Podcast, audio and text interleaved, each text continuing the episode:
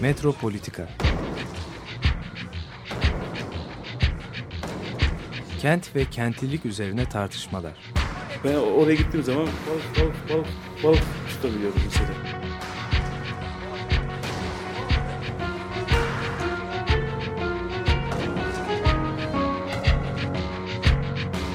Hazırlayıp sunanlar Aysin Türkmen, Korhan Gümüş ve Murat Güvenç.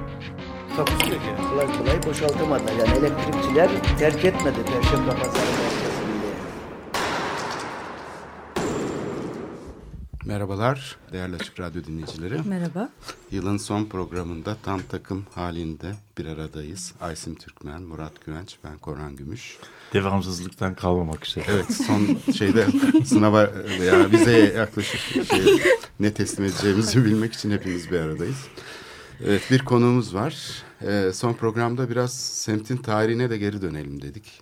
Açık Radyo'nun da bulunduğu semtin tarihi olduğu için. Sevgili Aslı Odman bizimle birlikte Mimar Sinan Güzel Sanatlar Üniversitesi Şehir ve Bölge Planlama öğretim görevlisi ve tarihçi. Bölgenin tarihi konusuna deyince tabii aynı zamanda bir endüstri tarihi, modernleşme tarihi.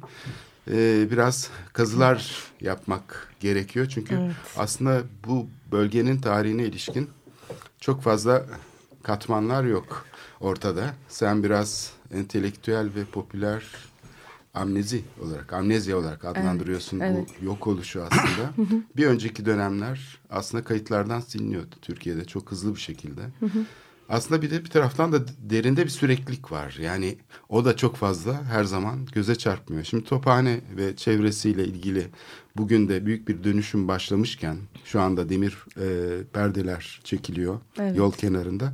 Tekrar semte geri dönelim dedik ve istersen sen bize biraz bu Tophane'de neler olup bitti yüzyıl başından itibaren ve buradaki asıl endüstrinin şeyinde çok önemli bir nokta ve bugün de aslında çok unutulmuş buradaki Ford fabrikası.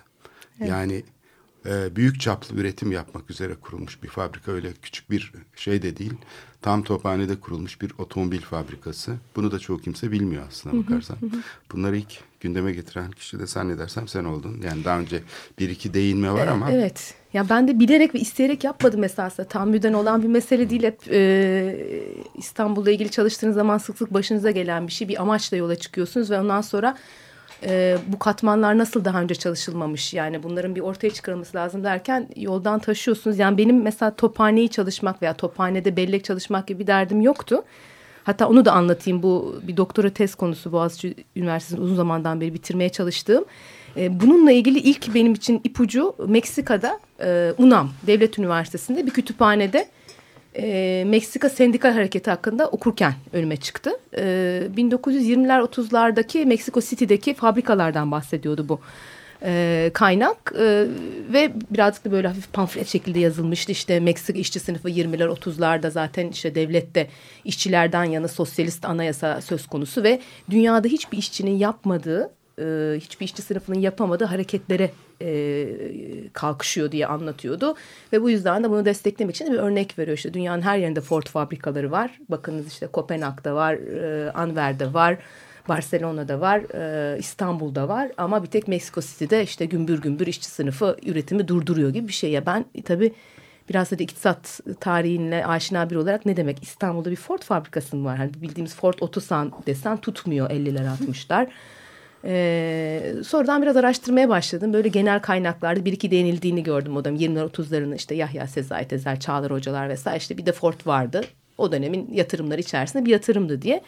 Hatta ilk tezi yazmayı düşündüğümü söyleyince Şevket Pamuk Hoca unutmuyorum. Orada o kadar küçük Hinterland'da bir yerde öyle bir fabrika olamaz demişti.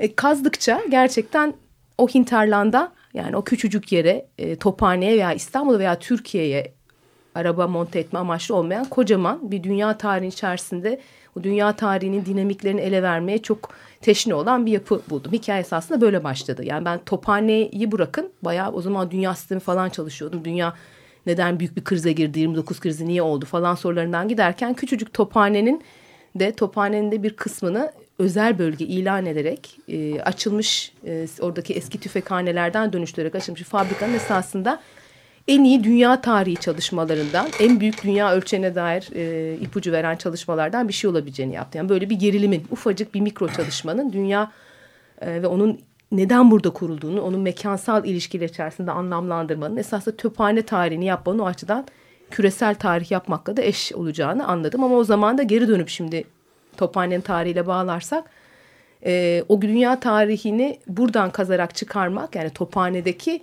endüstri, korunmuş endüstri mirasından veya Türkiye'deki arşivlerden çıkarmak mümkün olmuyor. İşte burada da iş amnezya veya mekanı kuramadığımız ilişkinin e, çok anlaşılmaz ideoler, ideolojilerle katman katman üzerinin kapanması geliyor yani o beton kültürü geliyor üstüne. Evet o boşluklar da anlamlı aslında ki o dönüşümün nasıl olduğunu bir parça ortaya koyuyor aslında. Yani bildiğimiz şeyler kadar neden unutulduğunu, neden izinin kalmadığını belki düşünmek de.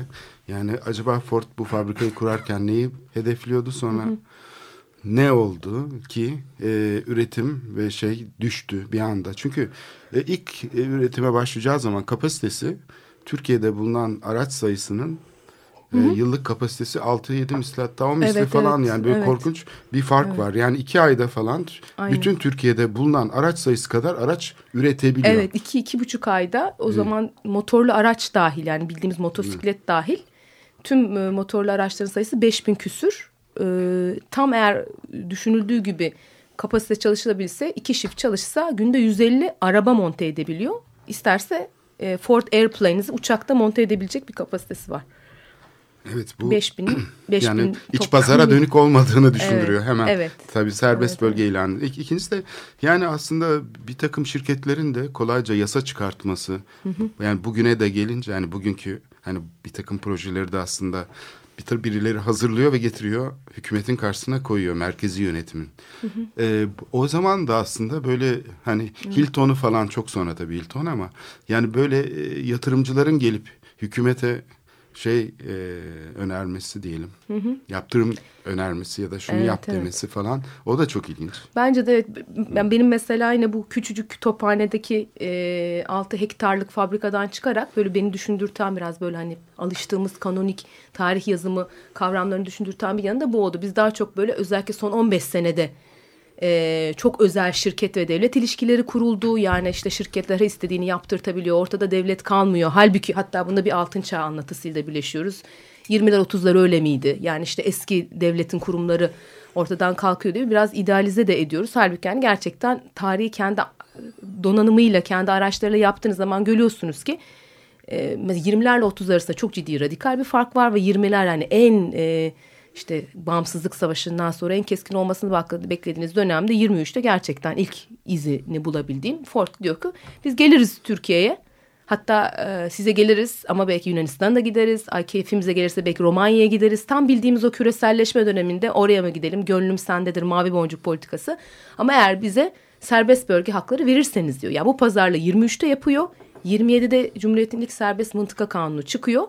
Ve serbest mıntıka kanununda somut olarak yani bir şahıs için veya şirket için kanun çıkarılamayacağı için de 29'da da Ford kanunuyla müşahhas hale geliyor. Yani şirket ve devlet ilişkisini hem Amerikan konsolosluğu belgelerinden hem Ford'un kendi arşivlerinden çok açık bir şekilde izleyebiliyoruz. Ama aynı şeyi Türkiye'deki gazeteler malzemesine koyuyorsanız yan, yan yana koyuyorsunuz Milliyet, Cumhuriyet. Burada e, bunun yansımasını görmüyorsunuz tabii ki. Yani o şekilde hani gazetelerinle e, or, devlet kademesinde, şirket kademesinde olan bitenin ne kadar birbirinden farklı olabildiğini e, de görebiliyorsunuz. Standart Oil e, de zannedersem senin yazdıklarından okuduğum kadarıyla e, Boğaz'da aynı zamanda petrol e, Beykoz'da, şeyleri evet. Beykoz'a giderken değil mi? Paşabahçe ya da Beykoz Evet. yakınlarında ben hep merak ederdim bunlar burada ne arıyor diye. Evet. Koca koca şeyler var hani. İşte o, da, o dönemde e, o dönemde Kafkaslardan İstanbul'a petrol geliyor. Buna neft diyorlar. Evet. E, ve şehrin içinde e, benzin ve yanıcı malzeme stoklamama gibi bir, bir takım böyle e, şey belediye kanunları çıkıyor. Daha önce e, benzinler şeyde e, bu Kurşunlu Han'da depolanıyormuş. Düşünebiliyor musun? E, Perşembe pazarında. mezarında, Perşembe. Neft orada Yani, satılıyor evet, çünkü. işte, işte o yüzden yani bunu biraz dışarıya çıkaralım falan denince o tarafa gidiyor yani öyle bir şey var. yani. İstiklal'de benzinciyi açmamışlar ama. Evet yani evet. Evet, şeyde, Taksim'de. Bu ne zaman oluyor hocam? Bu İşte o trafikası demek bu- bu bir 1920'lerden. 1900, 1910'larda Onlar evet tamam Onlar. tam denk geliyor. Çünkü Standard Oil'dan anlaşması var Ford'un. Burada e, rıhtım zaten yapılmış. Rıhtımın içerisinde bir do- depo var. E, herhalde büyük bir ihtimalle 1950'lerdeki genişlemede o da depo kapatıldı. O gemilerle Beykoz'dan e, buraya neft taşınıyor. Ve e, o nefle de içteki jeneratör çünkü bildiğiniz tam müteharrik Elektrikli. e, elektrikli e, hidrolik motorlarla seri üretim bantını çalıştıran enerjiyi kendi içteki jeneratöründen alıyor. Yani e, şehrin elektriğine, silahtar elektriğine güvenmiyor. O jeneratörün de enerjisi standart oyunun neftinden geliyor. Evet. O ayrım süreci e, Kömür kullanmıyorlar. Ee, o da senin metinlerde Evet, var. Yani evet. kömür deposu yok. Onun yerine petrol deposu Evet, var. evet. Ama bu da standart zaten. İşte işin zaten burasının Tophane veya Yokohama veya Kopenhag veya Antwerp olması fark etmiyor. Her yerde üretim süreci aynı şekilde örgütlenmiş. Dizaynı da aynı fabrikanın. Yani Dizaynı- hazır binaları kullanmasına rağmen Evet. iç mekandaki Evet. örgütlenmesi e, senin söylediğin örneklerle hep aynı. Yani E, tipik iç yazışmalarda diyor ki mesela şurada böyle bir e, usul şeylik var. irregularite diyor e, metinlerde. Çünkü zaten o kadar standart bir şekilde ki o irregulariteyi bu irregularite Yokohama'daki irregulariteye benzediği için diyor binadaki teknik detayla ilgili. O yüzden buradaki standart çözümü. Yani irregulariteleri de standartlara entegre edilerek yani dünyanın e, fabrikası ve dünyanın otomotivini e, üreteceğine dair müthiş iyimser bir dil 20'lerdeki iç metinler. Yani şirket içi metinleri. Yani gerçekten dünyayı tek elden yöneten bir insan e, rahat, tek bir makine rahatlığı, tek bir dil rahatlığı var. Hiçbir konflikt sezmiyorsunuz 20'lerde. İşte ta ki 29'larda, 30'lardaki büyük dönüşüm gerçekleşinceye kadar. Şimdi Ford'un eğer e, bir arka planda şeyini e, düşünürsek e, seri üretimi icat eden kişi olarak hani tanınıyor. Dizisel olarak bant üretimini işte parçalara ayırıyor değil mi üretim sürecini? Gerçi hocam orada da biz e, ben ilk önce Gramsci'den okumuşum sonra Murat Hoca'nın e, bana önerdiği Chicago kitabında esas e, tarihini okudum. Yani ilk seri üretim bandının esini e, mezbahalardan geliyor. Evet. Yani onu- gerçekten seri et, et üretimi ve bunun fabrikaya aktarımı diye düşünebiliriz. Yani hani işte elektrikle beraber e, metale aktarımı et, malzemesinden geliyor esasında. Hani tam o Richard Sennett'in dediği ten ve beden yani bedene bakıyorlar et kesimini böyle seri yapıyorsak demek metali de yaparız diye. Bence çok e, ilginçti bir benzetme gelmişti. Süreci tersine çalıştırmak. Yani bir yerde söküyorlar. o, yani Evet. Öbürünü birleştiriyorlar. birleştiriyor. Evet. Ben de hep düşünmüşümdür. Acaba bunu canlılar için de yapmak mümkün mü diye. Tam yapıyorlar. tersi. Yani hızlı, yani hızlı, hızlı, Parçalardan. hızla gidiyoruz yani. Streamlining evet. Evet. esasında savaşlara tekrar Hmm. uygulanması da bir şekilde e, değil mi? Yani bu İkinci Dünya Savaşı'ndaki seri imhaların da yine e, seri üretim mantığının bu sefer tam tersi dekompozisyona uygulanması diye başka türlü şeyler de var. Başka başka şeyleri de var. Gemi inşa e, teknolojilerinde mesela şöyle bir e, yenilikleri var. Biliyorsun gemi e, şeye pek uygun bir yani seri üretime pek uygun bir şey değil. Yani gemiyi tek tek yapmak lazım. E, o bir tersanede yapılıyor. E, seri üretim mantığı ile e, gemi nasıl e, inşa edilir e, konusunda İkinci Dünya Savaşı'nda çok ilginç bir gelişmeleri var. Bunların geliştirdikleri bir Liberty Ship diye bir tekne şeyleri var. E, yani zamanın ruhuna uygun şekilde İkinci Dünya Savaşı'nda geminin adı Özgürlük Gemisi. Bu bir şilep. Buharla çalışıyor. Amerika ile Amerika Avrupa arasında, arasında çalışan, şey çalışacak. Yani bu bir şilep. standartlaştırılmış projeyle yapılan. Çok basit bir dizaynı var. İçerisinde işte iki tane kuvvetli bu- buhar makinesi var. Geminin kabuğu inşa ediliyor. Ee, ondan sonra da gemi şeye indiriliyor. Ee, e, denize indiriliyor. Üzerinde sadece gemiyi yüzdürecek kadar bir donanım var. Yani gemi hiçbir şey bitmemiş vaziyette. Yani ne kablosu döşenmiş, yeri, ne yeri şey yapılmış. Gemiyi yolda giderken yapıyorlar. Yani gemi gemi e, gemi, gemi Kızar çekilme e, masrafları hayır, minimize hayır, ediliyor böylece. İnşa edilmiyor. Yani gemi gemi inşa edilecek diye yoldan e, kalmıyor. Yani gemi indiriyorlar. İçine bütün e, ne yapılacaksa konuluyor. Bir taraftan gemi gidiyor, bir taraftan gemi inşa ediliyor. Bu bizim Yani- insanlık maceramıza da benziyor galiba. Yani daha bitmeden yola bu çıkıyoruz. çok çok e, yani bir taraftan hani insanlar yani geminin içine yükleri koyuyorlar. Buhar makinesiyle bu gemi gidiyor. Ama mesela işte mürettebatın yaşayacağı yerler bitmemiş. banyolar yok, e, salonlar yok bilmem ama onları yapacak bütün malzemeyi içerisine koymuşlar. E, gemi 15 gün şeyle uğraşırken 15 gün sürekli olarak inşa ediyor. 3-5 sefer sonunda gemi bitiyor. Zaten kaç defa yaşayacağı da belli değil. Çünkü 5. 6. seferinde Mayın bir tane bir tane Alman Torpil. denizaltısı onu batırabilir. Yani sonunda bu hani onlar batırdıkça bunlar gemi yaptıkları için yani bunun hızlı olması gerekir. Yani bu mantığı bu e, kitlesel üretim mantığı e, Aslı güzel anlattı. Yani bu çok evrensel bir bakış açısı. Evet yani bu askeri teknolojilerin şeyinde var yani bu standartlaştırma ve hızlı üretim. Mesela uçaklarda değil mi savaş uçakları o bildiğimiz hani az sayıda üretilen uçaklar gibi değil. Aynı uçaktan 40 bin tane üretiyorlar. Evet. Ama bunlar hep el işçiliğiyle de yapılan işler. Yani Evet, çok seri üretim değil.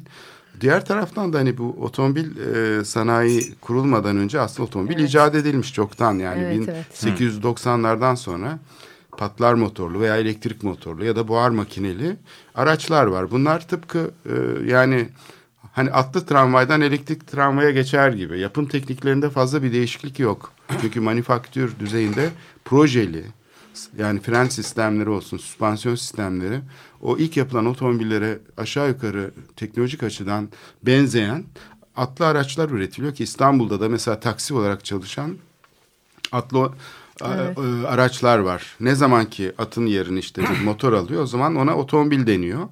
Asıl otomobilin icadı ise yani çoğunlukla da bu İkinci Dünya Savaşı sonrasına tabii şey oluyor ama 1930'lara doğru asıl tabii tümüyle preslenmiş çelikten üretilen araçlar.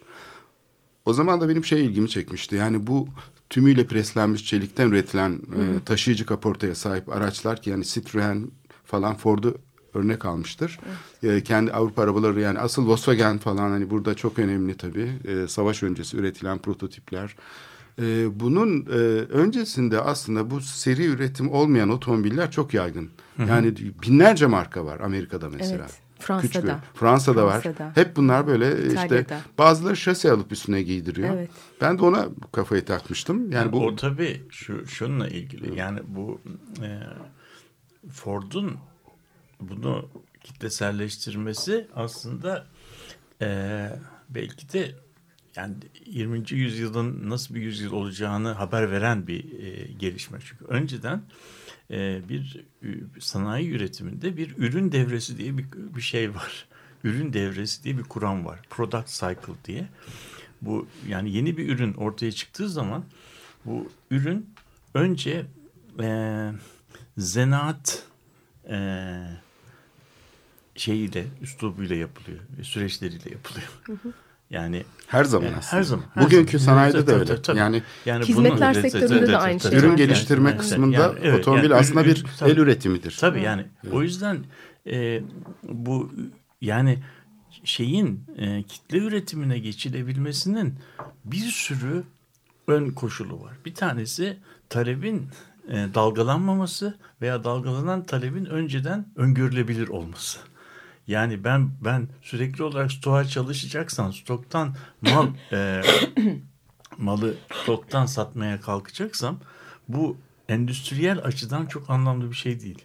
Yani ben malı e, şey yaparken üretirken aynı zamanda talebinin ne kadar satabileceğimi de öngörürsem e, bu e, bant tipi üretime geçerim. Eğer bant tipi üretime geçilebilmesi için talebin öngörülebilir olması lazım. Talep öngörülemediği takdirde üretim şeyde kalıyor. E, zanaat tipi örgütlenmede kalıyor. O zaman da aslında mesela reklam sektörünün gelişmesiyle de çok Tabii iç içe Tabii, olmak tabii. Yani zorunda işte olan bir hani süreçten burada burada şimdi Ford'un Ford'un bulduğu Evet, şey birinin de bunu çalışması Mesela, lazım. Mesela yani Ford'un Ford'un- Türkiye'deki tabii. reklam Yani mesela, teknikleri çok yani bu- ilginç. Yani e, şimdi Ha, o ta- talebi, talebi, önce- ha, ön- öngörülebilir talebi- hale getirmek getirmek reklamın tabii, tabii. tabii, tabii, tabii. Bu, bunlar tabii teknikler ama Ford'un ilk bulduğu şey yani zaten Fordizm kavramının ortaya çıkması aynı zamanda bu sadece bir üretim teknolojisi değil aynı zamanda bir pazarlama bir bir talep ör- örgütlenmesi. Yani gel, işçinin geliri yüksek olacak ki işçi de bunun müşterisi haline gelebilecek. Bu şekilde de yani kitleselleşme e, şey olacak. Mesela bu demin konuştuğumuz Fransa'da ve Volkswagen'ın yani şeyin otomobilin e, Avrupa'da kitleselleşmesi konusunda ilk girişim Fransa'da geliyor. 1900'lerin başında Halk Cephesi hükümeti bir uluslararası yarışma açıyor. Diyor ki ulusal bir yarışma açıyor. Bir tane araba yapacağız. Standart bir araba. Standart halk arabası. Halk arabası Evet. olacak. Ondan İşte önce şu, kadar, olsun, şu evet. kadar bilmem kilometre gidecek, şu kadar yük taşıyabilecek, bilmem ne yapacak. Ve o dizayn içerisinde bu meşhur Döşova arabası 1930'larda başlıyor. 47'de bitiyor. 15 sene süren bir tasarım şeyidir. Yani ilk şeyin ortaya çıkması ve bu e, yani bütün şeyleri karşılıyor. Yani işte şu kadar benzin yakacak, şöyle şey yapacak. Bu e, bu koşullar yerine gelmediği takdirde otomobilin bir kitle üretimi olarak üretilmesi pek mümkün olmuyor. O zaman bizim hani Atatürk zamanında vardır ya büyük böyle hani kasalı Pak- pakartlar bilmem neler filan. Yani or, onlar artık böyle şey el mamulatı hani bir çeşit şey e, sanat eseri yani. Bu onlar. Dolapdere'de senin konuştuğun ustaların? Evet şimdi zaten benim de ilgimi o çekmişti. Bu e, Özel, şeyler çok e, bayilik mi? teşkilatı ve servislerin ortaya çıkmasında hani bakkalları mesela bayi yapıyor Ford. Yani Anadolu'da o kadar çok bayisi var ki hiç ummadığın yerlerde. Antalya'dan işte Trabzon'a değil mi? Senin metinlerinden Evet, okuduğum kadarıyla. Bu bayiler mesela eski bakkallar, o işte şeyde eşraftan insanlar Hepsi eşraftan ama yani zincirin bakkalı değil tabii o zaman e, bütün tüketim Bugünün ürünlerinin değil. geçtiği her şeyi satan. tek yer hani zaten Yağ satan, petrol parayla satan. ilişkisi Evet. olan her yer zaten belli bir eşraflık statüsü 20'lerde. Yani hani Anadolu'da o dönemde paranın sirkülasyonunu falan düşünürseniz yani zaten kapitalist sistemin bir şekilde girebildiğini de gösteriyor. O dönemde paranın döndüğü e, dükkanlara sahip olanlar oraların eşrafı ama esasında şimdi öyle bir o haritalardan da hani bir sürü de konu çıkıyor. Mesela yaklaşık 20'ye yakın çoğu zadeyle biten aile distribütörü. Daha Ford burada fabrikayı açmadan önce o zadelerin nasıl zade oldukları, onların 20'lerin sosyoekonomik tarihine, yerel tarihine nasıl entegre oldukları o isimler üzerinden hepsi ayrı ayrı. Çok güzel konular esasında. Tamam. Yerel yani biz birikim. fabrikadan uzaklaşıyoruz. Evet. Aslında biraz daha Ama Aslında zaten işin güzel Evet, yanı o tamam. bence. Neyse Evet, bir tabii çok önemli şey bir var. taraf. Bu vesileyle Bu sosyal dönüşüm yani modernleşmenin şey Aynen. olarak aktörleri veya piyasa. koçu koçun o mümessillikten üretime giden süreci Türkiye kapitalizminin işte sanayi kapitalizminden işte ticari kapitalizmden sanayi kapitalizmine ne şartlarda geçine dair de bir anekdot olabilir veya biraz önce Aysim'in söylediği ben buradan biraz konuları da paslayayım istiyorum çünkü uzun zamandır elimde ve ben hani ancak uzundan uzundan e, yazıp da geçebiliyorum. Mesela bu reklam stratejileri de çok ilginç. Tam önce çok e, yine standart reklamlardan başlıyor ve bireysel zenginlere hitap eden bir dil var. İşte e, latif bayanlarla dolaşmak için e, arabalar diyor işte. Bir süre sonra o latif, hani birazcık daha böyle bohem gece hayatı falan espri. Daha sonra biraz aile giriyor. Hani eşiniz de çıksın dolaşsın birazcık falan işte çocuklarla. Sonra birden bakıyorsunuz 32'den sonra kendi kriziyle toparlanmak için bu araba Türk işçisiyle milli arabadır alın diyor. Yani dümdüz böyle bir şey milli araba bu diyor. Yani öyle latif bayan falan değil milli arabayla alın. Hani Hayır de- yerli diye bir reklam vardı onu Aynen. hatırlattı bana. Evet, evet, Ford bir reklam ekonomiye. yapmıştı.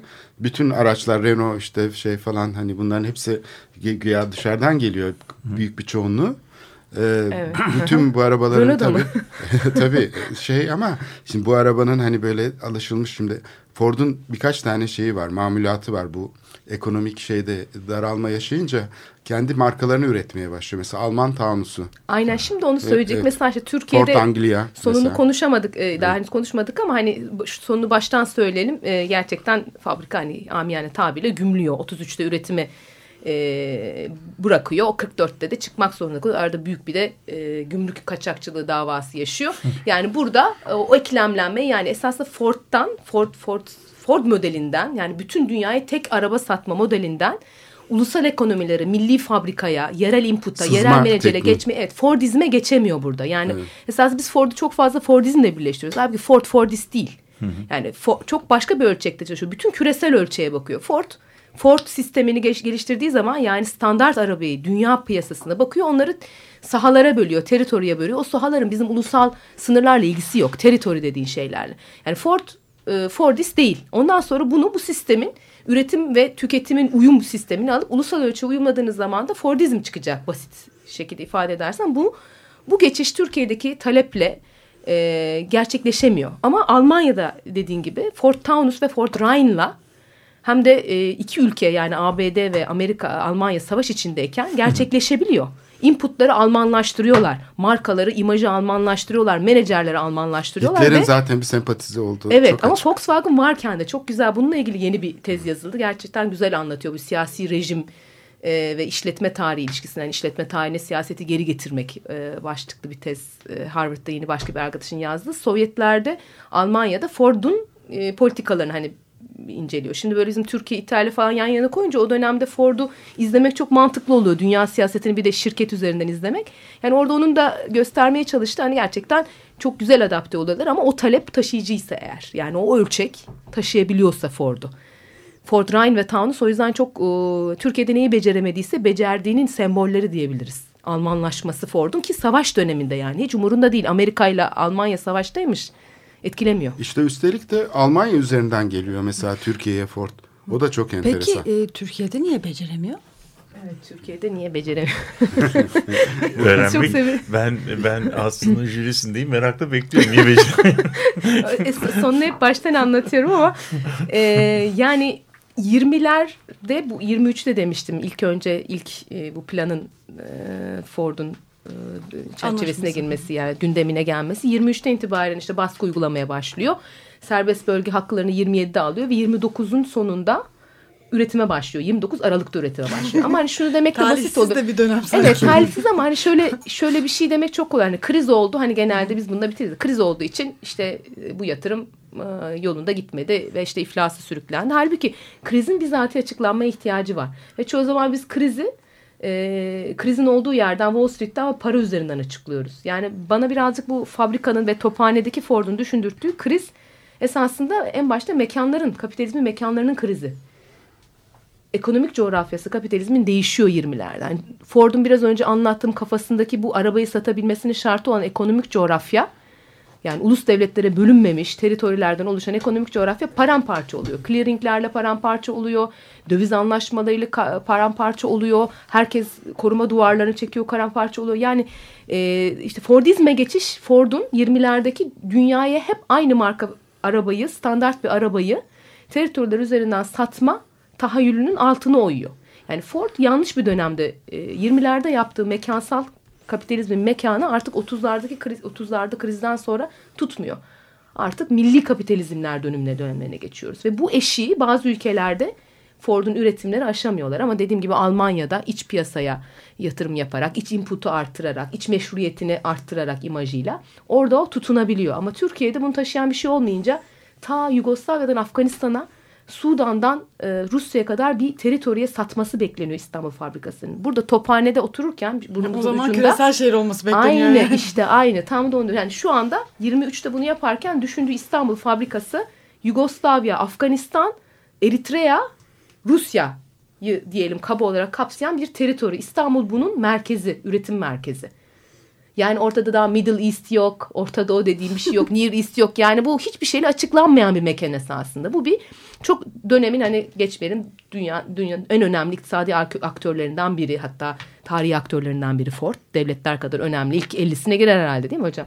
Onun e, yani esasında en büyük aktörler de yanılır diyebileceğimiz bir şey bir yanı da var. Yani gerçekten kafasındaki mekansal strateji dünya kapitalizminin nasıl gelişeceğini dair strateji tutmuyor. Ama tabii buradan hani yıkılmadan çıkabiliyor. Stratejisini değiştiriyor. Fordist oluyor Ford esasında buradan çıkarken. Hani artık ben Afganistan'dan Yugoslavya'ya aynı arabayı satacağım falan demiyor. Ben işte burada Ford Rhine ve Köln işte Rhine satarım, Taunus satarım. Ee, Rusya ile teknik anlaşma yaparım. Orada ona içer, onun mülkiyet garantim yok. Onu orada içerisinde yaparım. Her yere ayrı e, ve ulus ölçeğinde talebi gözeten bir politika gerçekleşiyor. Yani o, o yüzden İstanbul'daki tırnak içindeki başarısızlığın nedenini İstanbul'da aramamak lazım. Çoğu zaman işte bunu e, işte Türkiye devleti yabancı sermaye anlamadı. Gümrük davası açtı. İşte yabancı sermaye karşı düşmanlık vardı. Bazıları iyice uçuyorlar. İşte hamallar alıp yarı mamul malları denize attı falan gibi. Ta o boykot döneminden kalma e, 19 o sevgili Doğan'ın çalıştığı Çetin Kaya'nın çalıştığı dönemden kalma hamallık hikayeleri geliyor falan. Hani tabii böyle bir durum yok. Kendini sevmeyen Türkler hikayesi. Aynen klasik. aynen hani böyle bir her şey kendi hani kötülüğü anlatırken bile kendi üzerinden anlatmalı. Ya yok bu küresel yatırım ve hiç yapmasa da Aslında önemli. Ford gibi aslında birçok şey canlanıyor. Çünkü Ford'u izleyen e, çok önemli Avrupa'da firmalar var. Ford'un bizzat fabrikalarını Evet. gezip yani işte André Citroen'in e, özel izinle bütün Ford şeyini gezip incelediğim fotoğraflarını görmüştüm. Yani bayağı da açıyor. Yani şey de yok yani Ford'un hani gizleyeyim ben bu işi kendi kendime yapayım falan değil. Yok, bilmiyorum. Gelenlere gösteriyor falan. Evet, evet. Onun üzerine aslında bu şeyler tabii e, Hatta çok çoğalıyor. pardon bir E, parantez onu söylemek istiyorum. O sırada 1920'lerde Rusya Ford dolu ama hepsi tapon Tapon, tapon Ford. Ford'lar. Satmış çünkü de ya da satmamış yani da vermiş. almışlar prototipi çözüp bunun Evet. nasıl işlediğini Çakmasını bularak yapmışlar. atölyelerde hani seri üretimi olmadan bunu üretiyorlar ve gidiyor. Hatta 20'lerde ko- kolekt şeylerin komünlerin adı Ford koyuluyor. Böyle bir hayranlık var. Ya bu adamın fabrikada yaptığını hani kendi Fordson. Fordson, Fordson traktörleri kolektivizasyonun sembolü. Bunun hemen otomotive geçirmek istiyorlar. Bu adam fabrikada ne yapıyorsa Detroit'te biz bunu toplumda yapmak istiyoruz. Hayranlığı var. Yani o verimliliğe olan hayranlık var. Ve e, bu taponları görüp de nasıl tapon, copyright falan fikri mülkiyette müdahale etmiyor Ford haliyle. Hani o birinci olmanın verdiği de 1924'e kadar dünyanın bir numaralı otomobil üreticisi güvenle 26'da bir delegasyon yolluyor. Ya bu taponlar nasıl işliyor diyor. 6 ay dolaşıyorlar bu delegasyon ki o delegasyonda İstanbul Fabrikası'nın müdürü William Collins var. Ve bu fabrikanın İstanbul'da açılmasının en önemli nedeni de William Collins. Bu İstanbul'da açılacak ve biz Rus pazarlarını ihya edeceğiz burada. Rusya üzerinde Rusya'ya bu İstanbul'dan yayılacağız fikrin. Zaten bu e, delegasyon gezisinden sonra doğuyor.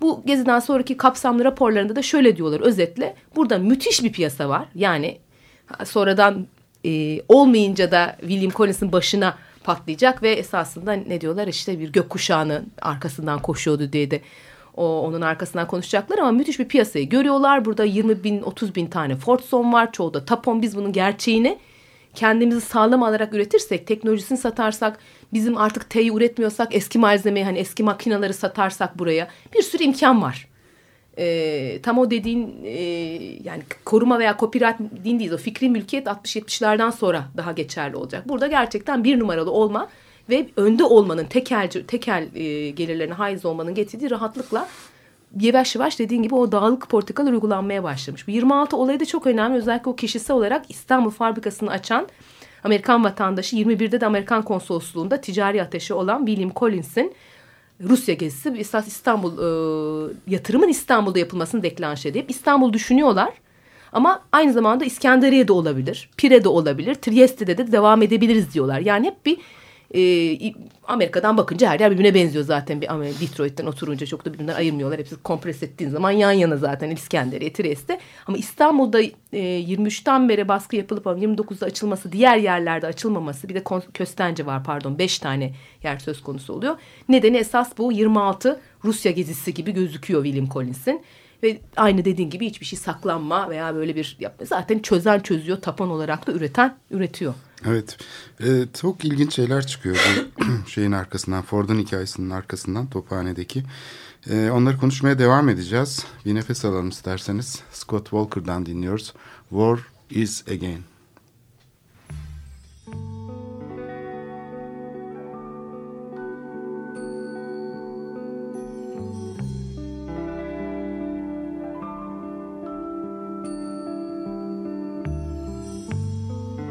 Everything still, everything silent as after the rain. We lie here listening to night close down. Stare like a child, wait for the signs to decide once again. Just when they looked here to stay,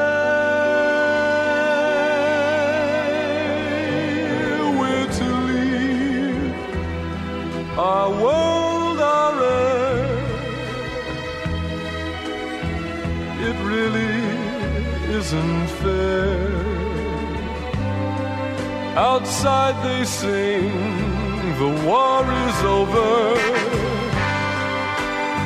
Raise your blinds, the war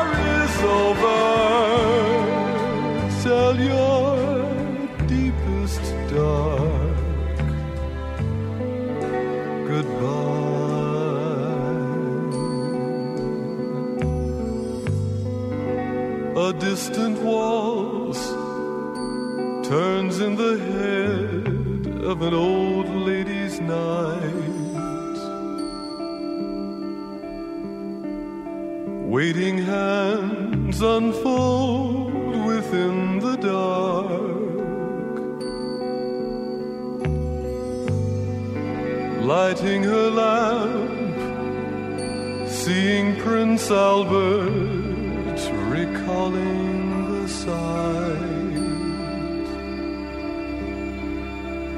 They waltz again through the park.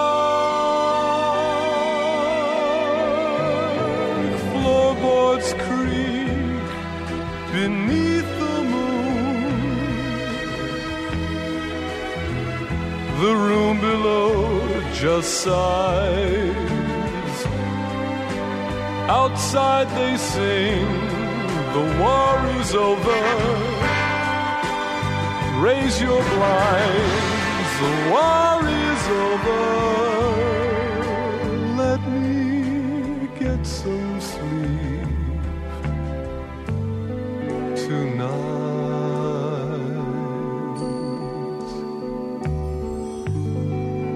Everything still, everything silent as after the rain.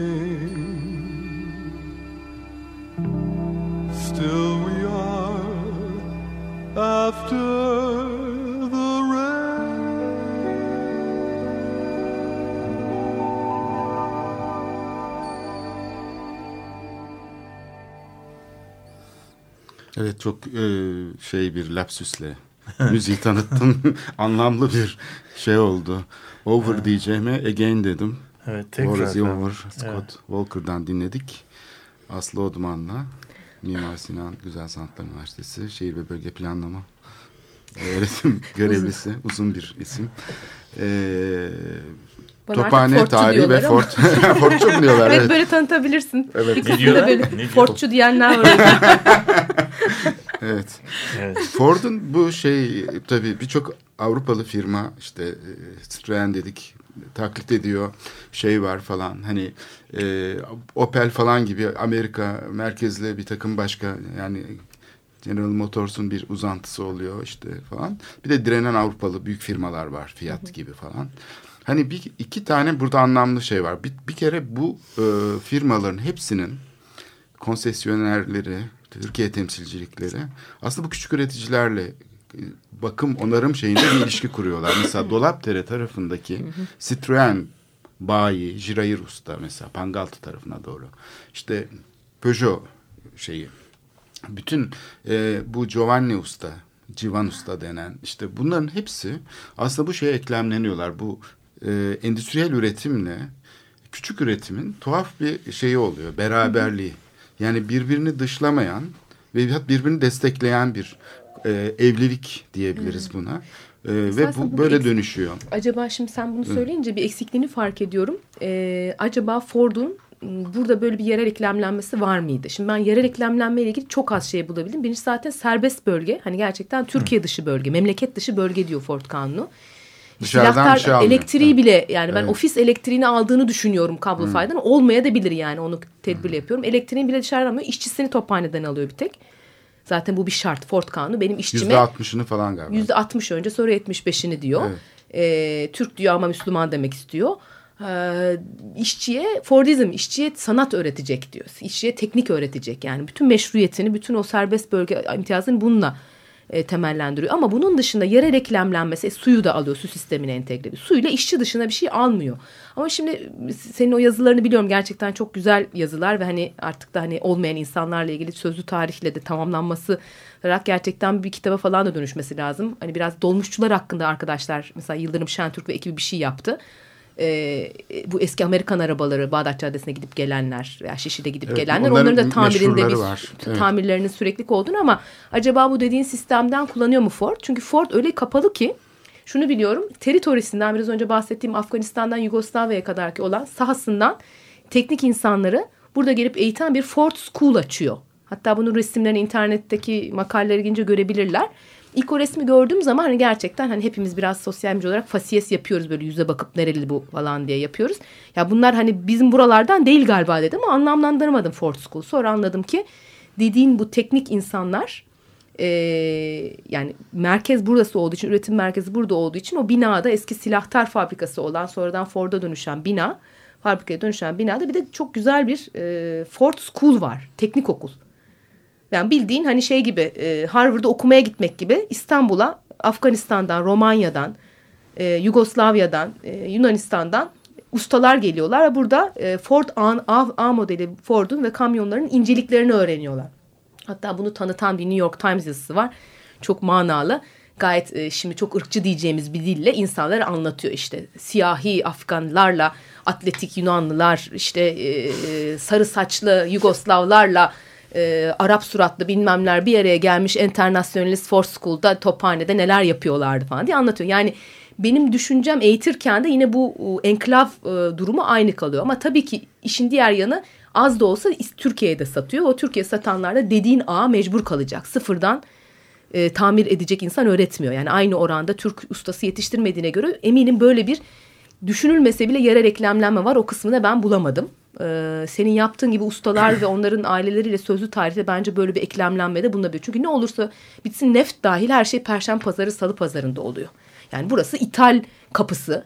Ne mal giriyorsa zaten buradan geliyor. İstanbul Limanı üzerine. O yüzden bütün malın arkasındaki bütün yan hizmetleri mekansal olarak yakın olacağını farz edebiliriz. Hatta Murat Hoca yakında onu da haritasını çıkaracaktır diye düşünüyorum. Hayır, yani buradaki buradaki bu e, malı malı tamamlayan hizmetler yani evet. malın malı yani üretimin işte e, servis e, ve nasıl diyelim bakım servis hizmetlerinin örgütlenmesi oldukça geç bir şey e, geç bir şey. Yani senin reklamcılık falan diyordun ya o programın başında.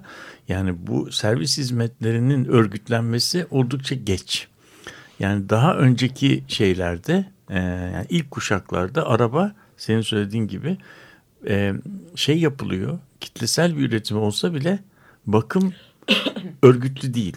Bakım hala küçük üreticilerle e, işbirliği halinde yapılıyor ve arabanın da aslında zaten e, e, bakım gerektirmeyen parçaları e, çok standartlaşmış şeyler. Yani yedek parça olarak satılabilecek şeyler. Diğerlerinin her şeyi, diğer her işlemler e, bir usta tarafından yapılabilecek şeyler. Yani bunun için örgütlenmiş bir hizmete gerek yok. İster dikkat edersen mesela otomobil teknolojisinde e, marka ile marka ile servisin e, şeyi e, nasıl diyelim bütünleşmesi e, Türkiye'de çok yeni bir şey. Türkiye'de üretilen ilk e, otomobillerde e, otomobil kitlesel olarak üretiliyor fakat e, şeyin küçük üreticinin bunun bakımını yapabiliyor olması çok önemli. Yani hatta servise servise götürmemek, evet, pahalı. servise götürmek pahalı, evet. servis dışında yaptırmak daha ucuz. Herkesin bir ustası oluyor filan. Fiili gayet merkezi tamam. olmaya. Ben hala götürmem. e işte şimdi ama e, şimdi giderek giderek ürünü o karmaşıklık düzeyine çıkarıyorlar ki artık kaportacı bir bir bir şeyin bir e, bir Çekişle e, düzeltemiyor. düzeltemiyor. Çünkü Hı. o çekişlenecek yere erişemiyor yani zavallı. Dolap, dolap derenin ölümünden yani yani oraya oraya gelemiyorsun. İkincisi ikincisi eskiden motor dediğimiz şeyin e, sağ solu belliydi. Şimdi motor dediğimiz şey bir kutu. Yani o kutunun içinde bir şeyler oluyor. Ve onun ne, ne olduğunu biz de bilmiyoruz. O da bilmiyor. Yani bir yerlerine fişler falan takılıyor. Onlar diyor ki bunun bir yerinde bilmem ne var. Ondan sonra onu sadece o parçayı çıkarıp değil. Yani bir şu de an şunu söylüyorlar. Tamir edilebilir kabiliyette olan parça yapmıyor artık fabrikalar. Ta, tabii tabii. Atılacak o parça. Atı, tabii evet. o, o parça gidiyor belli bir belli evet. bir an. Şimdi bu aynı zamanda bir pazarlama stratejisinin zaman içerisinde değişmesiyle değil mi yeni bir e, yeni bir düzeye e, gelinmesiyle yani bu pazarlamada ilgili yedek bir... Yedek parçayı da kendine bağlıyor. Tabii aslında. yedek parça yani son sonunda belki üretimin üretimden elde edeceği paradan daha fazlasını bu ürünün e, şeyinden kazanmaya başlıyor. E, o yüzden bu e, demin e, Aslı anlatırken düşündüm. Birazcık da bu e, servis ağının filan oluşumunu e, ülkenin otomobile elverişli bir ya, e, altyapısının olup olmamasıyla beraber düşünmek. Yani 1940'lı yıllarda İstanbul'dan Ankara'ya bir günde gidemiyorsun. Yani gidebilmek için 24 saatlik falan bir yol lazım. Bir yerlerde kalman gerekiyor. Bolularda, Mengenler'de bir yerlerde kalıyorsun ondan sonra gidebiliyorsun. Yol yok çünkü. E şimdi böyle bir yer olduğu zaman otomobil İstanbul'da üretilmiş bile olsa yani gideceği yere kadar gidiyor. Orada lokal olarak çalışıyor. Yani ülkenin tamamı bir otomobil sirkülasyon alanı olarak şey olmuyor. Şimdi bu da tabii Ağlarla be- örülmemiş işte ağlar yani. Otoyol Şimdi- ağları yok. Şimdi şey ama e, Aslı'nın demin söylediği işte İngiltere'de Zephyr'in, Escort'un, Almanya'da Ta- Taunus'un şeyi e, nasıl diyelim e, başarısıyla buradaki başarısızlık aynı zamanda otomobilin yani o memleketlerin e, ulaşım altyapısıyla burası aynı değil. Neyse sonra e, de- Türkiye'de de Ford yeniden canlanıyor. Bu 60'larda konsülün montajıyla başlıyor. Ondan sonra işte bu hibrit bir şey olan Anadolu çıkıyor. Ama bak karşımıza. orada da bir şey e, araya gireceğim. Şöyle bir şey var. Bu 60'larda Türkiye'de ilginç bir şirket tarihi konusunda belki Aslı'ya küçük bir şey olabilir, ipucu olabilir. E, bunların e, 60'larda 58 devalüasyonundan sonra Türkiye'de bu iş e, artık ithalatla olmayacağını ve bizim ithal ikameci bir sistemle bunları yeniden yapmamız gerektiği e, konusunda bir e, anlayış ortaya çıkınca ki bu anlayışı genellikle herkes ihtilalden sonra Ankara'daki plancıların çıkardığını söylerler. Bu da yanlıştır. Bunu bunu bu fikri ilk öne sürenler İstanbul Ticaret Odası. yani bu bu olmuyor diyorlar. Yani bu e, ondan sonra biz buradan planlı ekonomiye geçme, geçmeliyiz. Fikri ilk önce İstanbul'dan çıkıyor. Yani ve sonunda işte bu yani İthal ikameciliğin ideolojisi yine İstanbul'da yapılıyor. Ve buna e, şirket tarihi itibariyle mesela buna ilk uyum yapan firmalar e, yine otomotiv e, firmaları 56 ve Otosan. bunların şirket şeylerini e, secerelerini incelediğinizde bunların daha önceki e, büyük şirketlerin tamir ve dağıtım atölyelerinin e, fabrikalaşması olduğunu görüyorsun. Yani şey o eski tamir atölyesi hiç adını değiştirmeden bir yerel montaj atölyesine dönüyor. Yani şirketin şeyinde bir devamlılık var. Sonradan büyümeye başlıyorlar. Tamirci, tamirci üretim olmaya başlıyor. Bakım atölyesi öyle bir şey oluyor. Evet. Peki. Az bir zamanımız kalmış. Ben e, e, küçük bir anons yapacağım. Yani e, siz e, şey e, Aslı Aslı'ya soralım. Son bir e, bitirmek istediği Başka bir şey var mı? Son bir dileğim yok. Hayır, bence bu bölgedeki değişimi başka bir programda tekrar konuşma e, sözü alalım. Bugüne Çünkü- kadar evet, Evet. bugüne de getirmek biraz Getirmek belki lazım. de hani zaten fikir o İstanbul Modern'deki bellek maratonundan çıktı. Yani hani endüstri mirasının bugün görünür olmaması işte şu anda yeni endüstri mirasını haritalama gibi çabalar var. Ee, ama hani haritalandığı zaman e, yükleyebileceğimiz her şey artık görmediğimiz, dokunamadığımız şeylerin fotoğrafları interaktif bir harita olması düşünülüyor. O ama e, gerçekten yüzde 90-95'i var olmayan şeyler. Yani Evet. Ve bu bu şekilde bir kentin değişen işlevlerine dokunamamak esasında o kentle nasıl bir ilişki kurmamızı sağlıyor. Tophane bugün nereye gidiyor? Galata Fort'tan Galata Port'a. Galata Bence- Fort. Güzel. Galata Fort, Galata Fort'tan Galata Fort.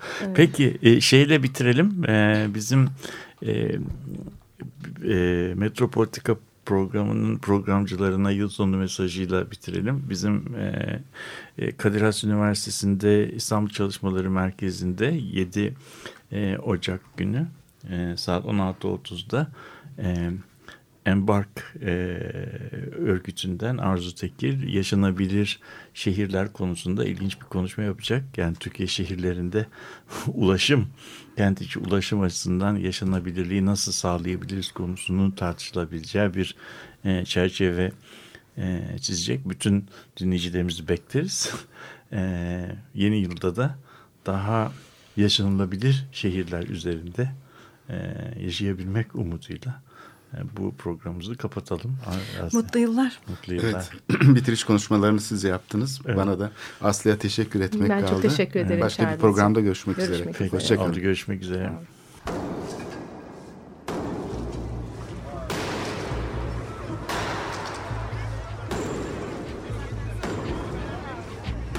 Metropolitika Kent ve kentlilik üzerine tartışmalar. Ben oraya gittiğim zaman balık balık balık balık tutabiliyordum mesela.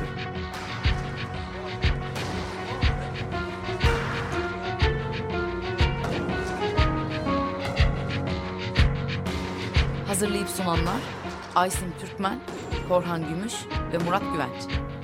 Takusuyor ki yani. Kolay kolay boşaltamadılar. Yani elektrikçiler terk etmedi Perşembe Pazarı